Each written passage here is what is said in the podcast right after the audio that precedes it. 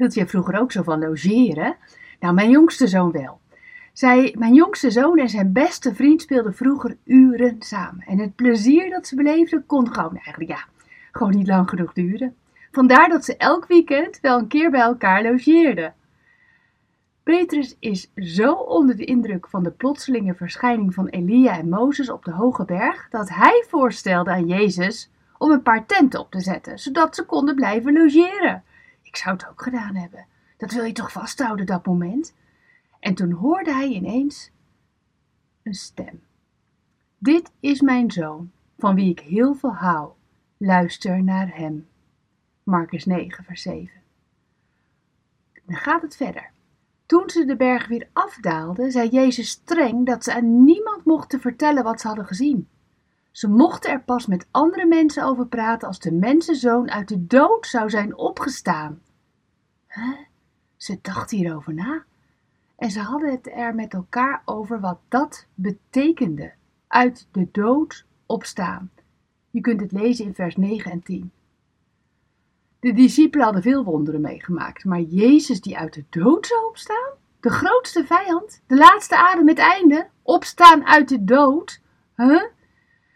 Kijk, je mag vragen stellen en zoeken naar de betekenis van Jezus' woorden voor jouw leven. Als je iets nog niet eerder hebt meegemaakt, wil je het kunnen plaatsen in het kader van jouw beleving, toch? Mag Jezus vandaag jouw kader vergroten? Durf jij te geloven in Zijn opstandingskracht in jouw leven?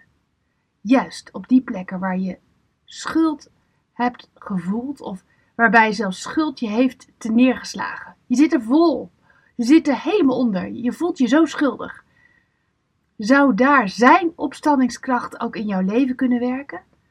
Of durf jij te geloven waar hoop is doodgeslagen? Ik daag je uit. Laat wanhoop, schuld en schaamte niet logeren in je hart.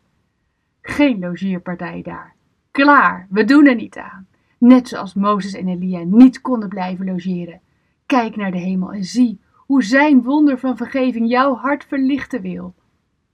Echt, ook voor jou. Zullen we samen bidden. Heer, opstaan uit de dood vraagt om uitzonderlijke kracht. En u heeft dat. Laat uw kracht, laat die kracht verlichting geven in mijn hart. Juist op plaatsen waar schuld en schaamte al te lang zijn blijven logeren.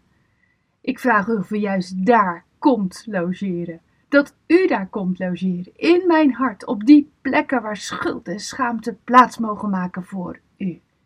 In Jezus' naam. Amen. Bedankt voor het luisteren naar Ik Wonder Jou.